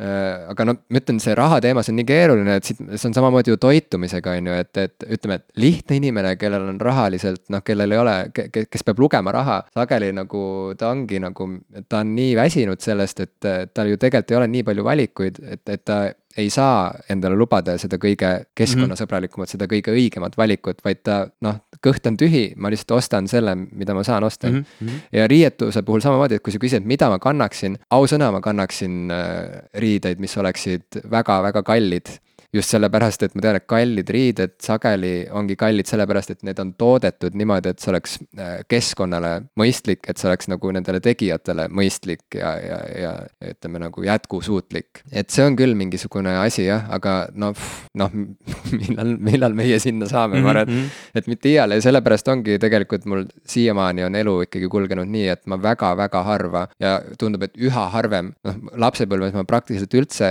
ei, no poeriideid ei kandnud, on ju mulle tundub, et nüüd ma kannan neid isegi veel vähem, kuigi ma nüüd käin tööl ise, on ju. et, et sageli me oleme kodus arutanud elukaaslasega ka, et, et mis inimesed need üldse on, kes käivad nagu poest riideid ostmas. noh, mu elukaaslane käib, on ju, mingid teatud päevadel Humanast läbi, seal on, ma ei tea, kahe-viiekümne päev, on ju, kõik maksab kaks viiskümmend, noh, ja sa tuled koju mingisuguse kotitäie riietega, millega saab terve talve üle elada ja kõik on väga stiilne ja kihvt, on ju. ja kulus võib-olla kümme eurot, on ju, või seitse viiskümmend, samas kui nagu seesama kaup oleks poelettidel maksnud, ma ei tea, see kõik oleks läinud kokku võib-olla neli sotti, on ju, et noh, ühesõnaga mm -hmm. väga pikk ja lohisev, väga minulikult pikk ja lohisev äh, vastus su seda küsimusele. meie kuulajad ootavad. noh miks nad muidu meid kuulavad, kui nad seda rändimist nagu ei. tuua Helene Vetik tagasi et oleks nagu vaheldust, aga ühesõnaga, et, äh, et kas see raha teema, kuidas sa, kas sina oled poodi minnes, äh, kas sul on piisavalt palju kas mul on ka, rulli, mida ringi loopida? okei okay,, ma tean, et sul ei ole rulli, mida ringi loopida aga.... sa oled mu kodus, sa vaatad ringi ja sa näed, et mul ei ole rulli, mida ringi loopida. ja aga, aga, aga ütleme, kui sa lähed Zarasse, kui sa lähed H ja M-i, kas su, kas sul on nagu kehv tunne korraks mõeldes selle peale, et tegelikult sa ostad midagi ebakvaliteetset, mis ilmselt on tehtud kuskil sweatshop'is, kus inimene on kannatanud sulle seda õmmeldes ja sa viskad selle kuu aega hiljem ära, sest see on auguline ja nii edasi, aga sul ei olnud raha, et kallimat osta? jah, kuigi ma ütleme püüan riideid mitte ära visata, kui nad on augulised ja ma üldiselt kannan siis sa teed neid... põrandakaltsudeks nad või mis? no see on üks Reuse. asi jah, et, et me, mul on nagu natuke teistsugune perspektiiv, sest minu elus, no sa alustasid kuidagi sellega, et sinu elus on naistel olnud oluline osa sinu riietumisstiili kujundamisel. minu ema on töötanud peaaegu terve oma elu rõivatööstuses, moetööstuses. minu naine on õppinud tekstiilikunsti, tegelenud rõivaste loomisega, disainimise, mille iganesega, et, et noh, et ma olen hästi palju kokku puutunud nende teemadega nii jätkusuutlikkuse mõttes nagu noh, oma, oma töö ja, ja eriala suhtes, kui ka ütleme siis selle tehnilise poolega, kuidas need asjad valmivad, mis sinna kõik sisse läheb, kuidas see üldse nagu toimib. ja noh, ühest küljest on see kujundanud minu, minu võib-olla sellist stiilitunnetust, aga teisest küljest kindlasti on see nagu ka neid tarbimismustreid, et äh, ma tahaksin näiteks äh, rohkem leida asju kaltsukatest, vaata, see on nagu noh, sa ütled, et, et sa tunned nagu sellist eetilist probleemi, aga noh, samas sina juba pikendad, eks ole, riietuse eluiga, sa, sa ostad asju, mida, mida, mis on juba toodetud, sa nagu ei, oma rahaga ei, ei sunni seda juurde, et nüüd loo, et nüüd nagu tehakse veel rohkem asju juurde, et sa nagu oma rahaga pikendad pigem nagu nende asjade, mis on juba loodud eluiga. ja see on, see on ka positiivne, see on ääretult oluline pool nagu kogu selles tsüklis, aga, aga ma tihtilugu lihtsalt ei leia enda jaoks kaltsukast igast asju. noh, asi ei ole nagu ka selles, et ma, ma kuidagi olen jube nõudlik või, või, või et noh, et nagu see mul, mul ei, ei sobi kanda neid kasutatud riideid, ma väga hea meelega olen leidnud või käin kaltsukates ja olen leidnud tõesti ka ägedaid asju, mul on, mul on mingi üks lemmikumaid pintsakuid, mida ma olen kandnud võib-olla kümme aastat ja ma leidsin ta kaltsukast ja see on nagu super pintsak. aga tihtilugu ma lihtsalt ei leia neid asju sealt, sest, sest meestele see valik on küllaltki, küllaltki nadi. ma ei tea, kas see kipub nagu sellest tulema, et mehed siis kann-, kannavadki oma asjad kuidagi nagu räbalateks, kuni nad lõpuks on seal kuskil padja täiteks, eks ole, või, või siis. Äh, mina konkreetselt olen sihuke inimene, kellel lihtsalt püksid peavad lagunema jalast ära mm. enne, kui ma tõesti pean karjuma nagu appi. no mul kipub ka nii olema üldiselt. ja pealegi ma olen veel ka selline inimene, et kui ma nagu, ma nagu iga mingi aja tagant nagu mõtlen, et okei okay,, et milliseid riideid ma nüüd tahaks kanda. ja siis ma ostan need riided endale ja siis ma kannan neid iga päev et noh, nagu ma nagu ei tunne häbi selle pärast, et ma iga päev käin käin tööl samade riietega, sest ma olen nagu leidnud hästi ägedad riided, mulle mm -hmm. õudselt meeldib neid niimoodi kanda, ma panen nad kokku ja ma lähengi iga päev täpselt samade riietega tööle mm. -hmm. see tähendab muidugi seda, et võib-olla ma pesen neid riideid tihedamini, eh, teatud eh, kangastel nagu on, on pigem hea see, et võib-olla nad puhkavad kapis sel ajal, kui sa võib-olla midagi muud kannad, aga noh, ütleme, see on nagu minu lähenemine sellele, et kui ma mingid asjad olen omale leidnud, nüüd ma kannan neid nii kaua kui vähegi võimalik, kuni juba ühest, ühest otsast Eeva tuleb ja ütleb, et kuule, palun võta see asi seljast ära, teeme sellest padjatäite, see nagu, see on nagu kohutav, et sa sellega ikka veel välja lähed. ja ma saan sellest aru, aga, aga noh, nagu samas see, see on nagu äge ka, et mul, mulle nii meeldib see asi, ma ei taha seda nagu, ma ei taha seda, see on alati nii valus, kui need asjad lõpuks padjatäiteks lähevad. kui ma just ei ole mingi hullult juurde võtnud ja need mul enam selga ei lähe, siis, siis ma olen nii pahane nende asjade peale, et, et nad võivadki padjatäiteks minna. aga see on beside the point, eks ole, mis su küsimus oli, ma ei mäleta. ma alustasin sellest raha teemast et kas sa tunned, et, et ma teen, ma näen, näen, ma näen kogu aeg, ma iga nädal saan tõestust sellest, et ei ole sul rahaliselt paremaks läinud kuigi võib-olla see on õige koht, kus tänada meie toetajaid Patreonis www.patreon.com, kus äh, on endiselt äh, inimesi, kes meisse nii palju usuvad, et nad tõesti viskavad meile euro või paar, et me oma saadet üldse teha saaksime, et me saaksime maksta oma internetiarveid ja kõike äh, muud, et, et see on ülitore. me ei ole tükk aega teinud teile sellist tänuavaldust, nii et kasutan seda võimalust öelda, et aitäh, et, et Ival vähemalt seegi rahakene tiksub kuskilt. ja Jimil. no mulle sa ei ole mitte midagi edasi saatnud, ma ei saa aru, kuhu kontole sul need rahad lähevad kandime kõrvale kõik aga et, et jaa, see moraalne teema, noh, et, et, et kas sa vähemalt tunned seda moraalset kripeldust nagu, et ma ei ole nüüd kindel, kas ma peaksin selle T-särgi ostma, sest et äkki see on noh, äkki see hind on nagu vere, äkki ja, see on vere ja. hind, vaata noh. tead, jah, kindlasti ja, ja teine asi on see, et noh, ma püüan tõesti nagu osta harva ja kvaliteetsemaid rõivaid. noh, juba sellepärast, et, et nad esiteks peavad vastu sellele igapäevasele kandmisele, nad on tekstiilid, mis mu nahale nagu paremini mõjuvad ja noh, ütleme, ma nagu püüan leida seda tasakaalu, eks ole, selle hinna ja kvaliteedi vahel ja vahel see toob kaasa nagu ka sellised asjad, et, et noh, see ei ole ka nüüd nagu kõige positiivsem, aga ma alati ootan ära igasuguseid allahindlusi ja püüan neid kvaliteetseid asju võimalikult odavalt saada, et noh, et jällegi ma saan aru, et sellega ma nagu ei toeta väga sügavalt seda, seda tööstuse poolt, kes nüüd püüab neid asju nagu paremini ja kvaliteetselt teha ja mul, mul on juba see nagu tekitab siukseid väga vastakaid tundeid, et noh, et see asi noh, ilmselt on, on ka mingis mõttes väär väärt seda, et ta maksab rohkem, aga kuna mul alati ei ole seda, seda raha, et sinna sisse investeerida, et siis ma nagu vähemalt püüan,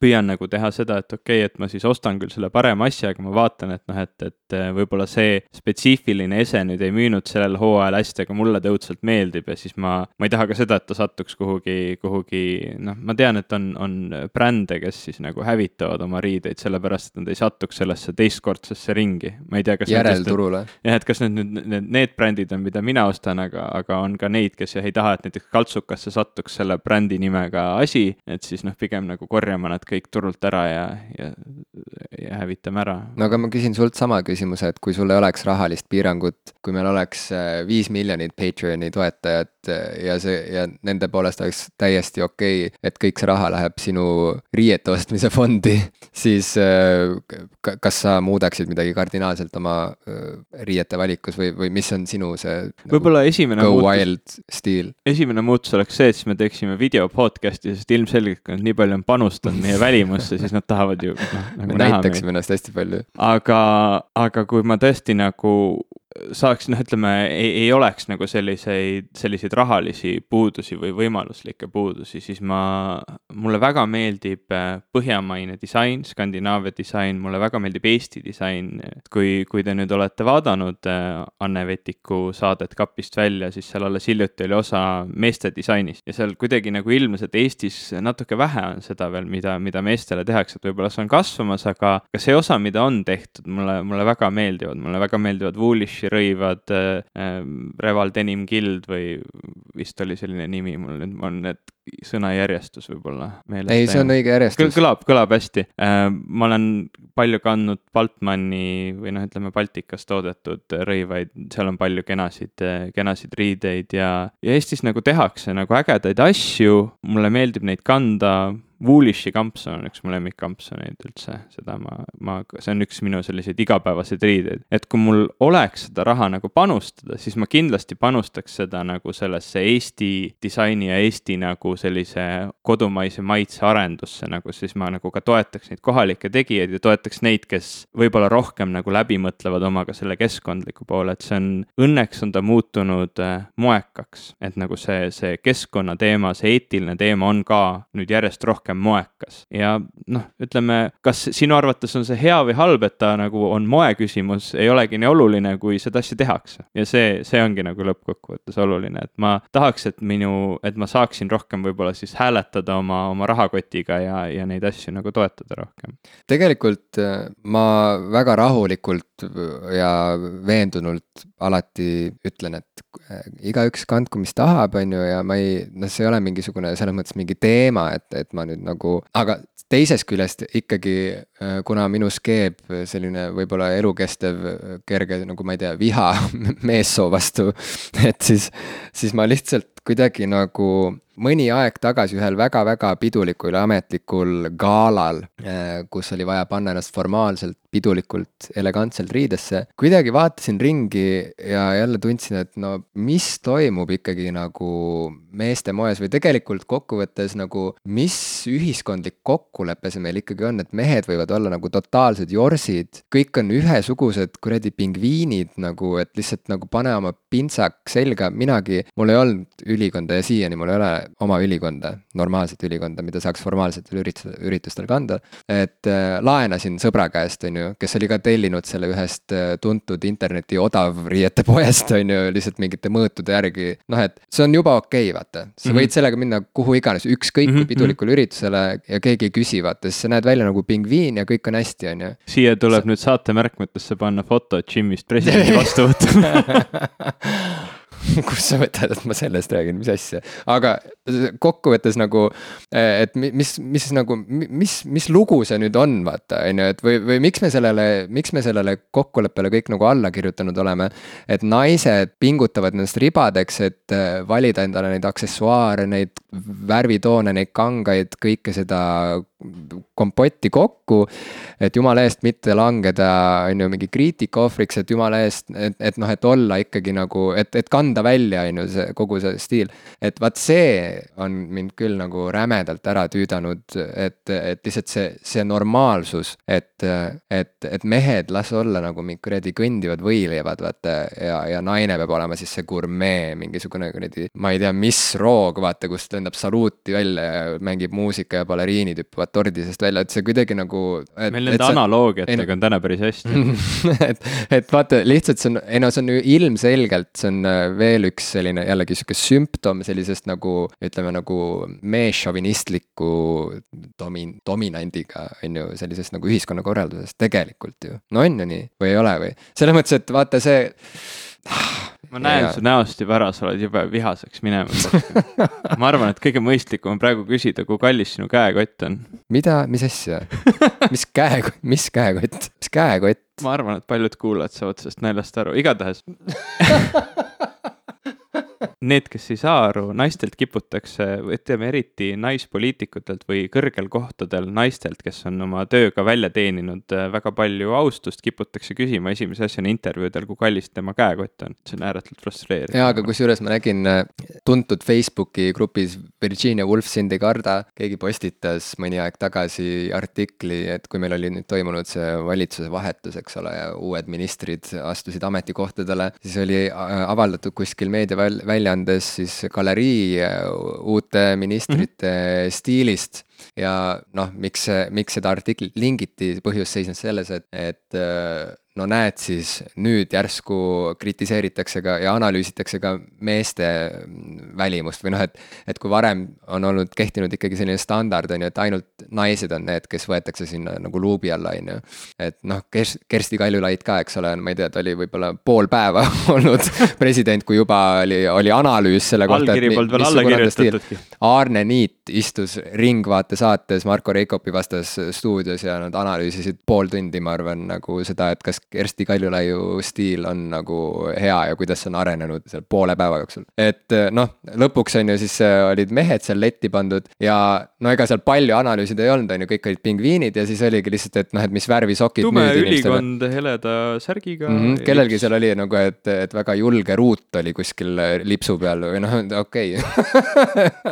julge ruuduga, julge ruuduga valitsuses et aga no ega siin ei olegi lahendust, ma lihtsalt tahtsin rändida jälle, et nagu, et põhimõtteliselt mehed, pange ennast riidesse, palun. ma saan aru, et ma ei ole nagu mingi stiili ikoon, on ju, aga no ma üritan vähemalt, on ju, ma panen endale mingeid erinevaid musti kihte peale ja nagu katsun vähegi nagu huvitav välja näha. aga kas sa nüüd ei taastoida seda probleemi sellega, et sa nüüd nõuad meestelt, et nad ennast nagu, ennast eh, rohkem, rohkem mida ma taastoodan? noh, et, Aa, et nagu, et seda, et keegi oleks luubi all kogu aeg me ei peaks nõudma ei, ei naistelt ega meestelt seda, et nad nüüd näeksid välja mingisugusele standardile või mingisugusele tasemele vast-, tasemele vastavalt, aga noh, ütleme nii, et, et minu meelest on see täpselt samamoodi nõme, nagu sina kirjeldasid, kuidas meil seda jagatakse niimoodi sugude kaupa ja isegi see, kui mehed räägivad, eks ole, siin mitu minutit me oleme rääkinud no,, mingi üle poole tunni, eks ole, moest või riietumisest, et see on nagu kuidagi imelik, ei ole.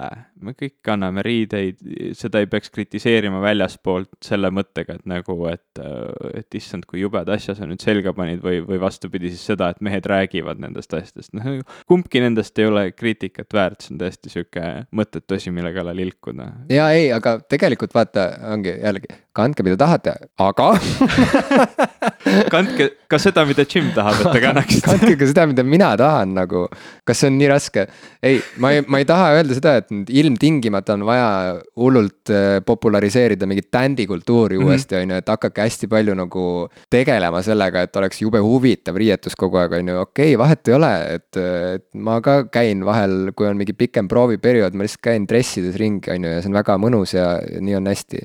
aga et, et pigem ma arvan, et mu viha ja pettumus on ja sihuke nagu väsimus on suunatud ikkagi selle, selle ühiskondliku kokkuleppe pihta või soorollide pihta, tegelikult see taandub sellele, et eh, ikkagi jah, et miks, miks mehed peavad olema pelmeenid nagu. pingviinid. pingviinid, kellest on tehtud pelmeenid halvemal juhul okay.. pingviini pelmeenid, oled sa söönud pingviini lihaga pelmeene? ei ole. Tegelikult aga... sa oled, Ivo, sa iga päev sööd neid, sa kugistad neid ja see on see, mis toimub meie ühiskonnas. okei okay., väga värvikas. pingviini pelmeenid, ma kujutan ette, on ääretult rasvased, nagu väga kõrge rasvasisaldusega, et ma ei kujuta ette, et need ääretult maitsvad oleksid. aga see ei olegi nii Eesti oluline. Eesti mehele meeldib pekk. Fine aga, aga ma olen jah sinuga nagu täiesti sellel pointil nõus, et mulle meeldib näha ilusasti riietuvaid inimesi või ütleme, huvitavalt riietunud inimesi, ma ei nõua seda endalt ümbritsevatelt inimestelt, et iga kord, kui ma mingi trammis sõidan ja ma vaatan enda ümber, et ah, kõik on igavad, et umbes, et mis, mis toimub, ma ei hakka arvamusartiklit Postimehes sellest kirjutama. aga mulle meeldib näha, kui inimesed on oma riietumisega vaeva näinud, oma välimusega vaeva näinud, mulle meeldib seda näha nii naiste kui meeste puhul ja ma tahaks seda näha rohkem meeste puhul seepärast, et see tähendaks, et, et meie, meie kultuuriruumis meestele panustatakse rohkem, ütleme, nõudlus tähendab seda, et on ka rohkem pakkumist, et ma saan minna poodi ja valida natuke ägedamaid riideid, et ma saan äh,. näiteks väga hea muutus, mis on toimunud, kui ma lähen juuksurisse, lõigatakse huvitavamaid juuksestiile meestele, võrreldes näiteks kümne aasta taguse ajaga. kui sa läksid kümme aastat tagasi juuksurisse, palusid mingit tavalist meeste lõikust või mida iganes, sulle laeti lihtsalt siukseks lühikesed juuksed, see oligi nagu lapsena see poisipea, see on nagu stiili nimi, poisipea mm. -hmm noh, nagu see on haige definitsioon, eks mm -hmm. Poi, kõik poisipead näevad sellised välja mm, -hmm. eks see on mhm. täiesti haige. et nüüd me oleme vähemalt jõudnud olukorda, kus näiteks juuksurisalongi minnes on küllaltki palju valikut ka meestel, millised nad tahavad välja näha, kui sa lased omal mõlemad peaküljed, eks ole, siiliks ja keskel on sihuke vahuga üles saetud juuksed, eks ole, ja lähed, lähed kuhugi kõrge tasemega kontorisse tööle, keegi ei vaata su peale imelikult, see ongi nagu norm ja mhm. samamoodi võib-olla sihuke veidi värvikam, huvitavam, eneseväljenduslikum rohkem riietusstiil ka sellistes kohtades nagu valitsused ja presidendi vastuvõtud ja, ja muud sellised nii-öelda küllaltki klassikalised institutsioonid. see on, ma arvan, et see on kohane, see on äge, ma ei mäleta, mitu aastat tagasi see oli, ilmselt seal päris alguses, kui Toomas Hendrik Ilves sai presidendiks ja ta kutsus siukseid huvitavamaid kultuuritegelasi presidendi vastuvõtule, Charlize tuli mingisuguse väga mm,, väga huvitava ja, ja siukse hoopis teistmoodi ülikonnaga, see oli kuidagi sihuke mm,, ma ei tea, kas sihuke sõja sõjaväemundrilik ülikond või väga teist, ta oli kohe kas mingit punast värvi, ma ei kujutagi ette, ta oli sihuke, ta ei olnud tume must või, või hall või, või sinine, vaid ta oli sihuke mm, väga huvitava värviga, väga huvitavat siukse, siukse disainiga ja, ja, ja siis ka selle kallal nagu, kes ilkus, kes pidas seda ägedaks, aga noh, lõpptulemus on see, et rohkem võiks seda olla, see võikski nagu standard olla, et panevad siis, ma ei tea, naised seda riidesse nii, nagu nad soovivad ja kas nad tahavad sinna pük- pükskostüümis või pika kleidiga minna, igatepidi on fine, et noh, et arusaadav on see, et tegu on siukse ametliku üritusega ja sinna tuleb panna midagi nagu noh, ametlikumat või kena selga, et see on nagu teatud ootus on, aga et sa võid ikkagi nagu mingis mõttes ennast väljendada selle riietumisega. mm. -hmm. üks mu lemmikkirjanikke, Douglas Copeland kunagi kuskil ütles midagi sellist, et, et noh, Ameerikas, läänemaailmas on Halloween hästi suur asi, eks ole, suur traditsioon, et ta vist mingis oma romaanis äh, oli mingisugune lõiguke, et mõtle, kui huvitav see oleks, kui iga päev oleks Halloween, selles mõttes, et, et kui Halloweenil inimesed vaata korraks nagu väljuvad sellest ühiskondlikust kokkuleppest, et me kõik peame olema pingviinipelmeenid, et siis nad nagu ma ikka ei väljendavad saa aru, kust see pelmeen tuleb, aga jätka. siis, ei no kuula üle see saade ja siis saad aru. Yeah, see oli tegelikult loogiline mina pean ka üle kuulama, et eh, kinnistada neid nõuandeid, eks ole Yeah, mis sa yeah. saad esimeses saate eks me mõlemad tavaliselt ikka eks me mõlemad peame tööd tegema, aga et eh, ühesõnaga, et ta ütles, et, et vaata, et Halloweeni kostüüm, okei okay,, nad on jaburad ja siuksed üle võlli, eks ole, et sa oled nagu mingi sarimõrvar või mingi, käid ringi nagu kõrvits et, või vampiir, et see on et see on, on ju, mõnes mõttes on sihuke nagu noh, et see on sihuke maskeraad, on ju, aga tegelikult noh, et, et lihtsalt see vabadus, mis sellega kaasneb või kuidagi, et see jaburus või et et kuidas inimesed nagu väljendavad midagi veel oma isikli-, isiksuse kohta, kui nad muidu, kui, kui muidu nagu kohaseks peetakse. et selles mõttes, kui iga päev oleks Halloween, mõtle, kui tore see oleks või kui palju rohkem me saaksime tegelikult nagu teada üksteise kohta, et jah, mingi osa minust alati igatseb tegelikult seda nagu saada midagi veel rohkem teada või kuidagi, et, et, et kui äkki nagu võtaks selle pulga korraks seljast välja nagu, et noh, et ma saan aru tegelikult erinevate stiilide, erinevate ütleme nagu kokkulepete, kordade nagu vajalikkusest on ju, et, et mingisse kohta noh, et on olemas ametivormid on ju, et, et noh, et politseinik peab välja nägema nagu politseinik, eks ole. no seal on eesmärk, et teda ära no et jah, et see ongi, et ja- aga see ongi igal pool eesmärk, et sind Jah. ära tuntakse sellena nagu, kes sa oled, vaata näiteks koolivormiga ma ei ole nõus, mul ei ole vaja ära tunda, et keegi on õpilane. ei no ikkagi on, vaata, see on ka sama, see on samamoodi sihuke nagu distsiplineerimisvahend või no sellega nagu inimesed nagu, saad aru, nad koondatakse kokku mingisugusesse nagu rühma või klassi mm. -hmm. et, et see võib tulla väljaspoolt, see surve, see võib olla oma otsus nagu, aga iga, iga riietusstiil tegelikult on ikkagi signaal, ta on mingisugune nagu laiem otsus selle kohta, et keda sa, millisena sa tahad praegu paista või, või mida sa praegu siin nagu mm, Mhm. -hmm. mis rida sa ajad mm, Mhm. -hmm. mida sa nagu esindad praegu et selles mõttes inimesed, kes väidavad, et nende, et riietus on suva, et, et ma ei väljenda midagi, et see on nagu see, sellepärast see ei pädegi minu arust. et igal juhul su riietus annab mingi signaali, sa ütled sellega midagi, isegi kui sa väidad, et sa ei ütle mitte sa, sa midagi. paned ennast mingisse rühma sellega. just, just, just, et, et lihtsalt ja see Halloweeni värk, et, et noh, et ma saan aru erinevatest, et, et on vaja, et iga olukord nõuab oma mingit kohandumist ja, ja seda kõike ma mõistan, aga see kripeldus mul alati jääb jah, et aga mis oleks, kui mm,. iga päev on kadripäev või mardipäev. aga kas me lõpetuseks äh, midagi oskame huvitavat ka soovitada inimestele? me polegi ammu soovitusi teinud, ma just mõtlesin, et meil oleks soovitusi vaja, mul on, mul on väga kindel soovitus. ma, ma mõtlesin sellest terve päeva täna, et, et ma soovitan, et inimesed läheksid poodi, ostaksid omale Vega Mama falaflipalle. mis asi, Vegamama, jaa, see on. mitte Vegemama? ei, Vegamama Ahah. oli minu meelest Vegamama, ma loodan tõesti, loodan, et see oli Vegamama. igatahes see on uus sihuke ettevõte, Marko Reikop ka maitses neid, talle meeldis väga, kõik on täiesti nagu on the level. et, et inimesed ostaksid neid äh, sellepärast, et äh, see teeks mind nii õnnelikuks, sellepärast et siis võib-olla tuleks rohkem erinevaid pakkujaid turule, kes müüvadki poes falafleid. Ja ma nii tunnen puudust vahel sellest, et ma lähen poodi, ostan omale falafleid ja panen neid pita leiva vahele koos mingisuguse hummuse ja salatiga. Ja see on nii hea ja ma loodan, et neid oleks rohkem ja, ja nad on, ma ei tea, kas, kas on Eestis esimesed, ma arvan, et nad on Eestis esimesed, sest ma pikka aega pole näinud, kes tõesti tõid poeturule müügile falaflipallid ja ma olen ääretult tänulik teile. nüüd tehke veel mingi sihuke lõunakarp, kus on, ütleme, ma ei tea, sada grammi falaflipalle väike sihuke hummusekaste ja ma ei tea, pitaleivatükikesed, see oleks nagu super lõuna. mitte, et te peaksite mind kuulama, aga aitäh. ära ole nii nagu, ära nüüd, et sa oled arvamusliider. mis, mis ajast sa oled falafeli arvamusliider.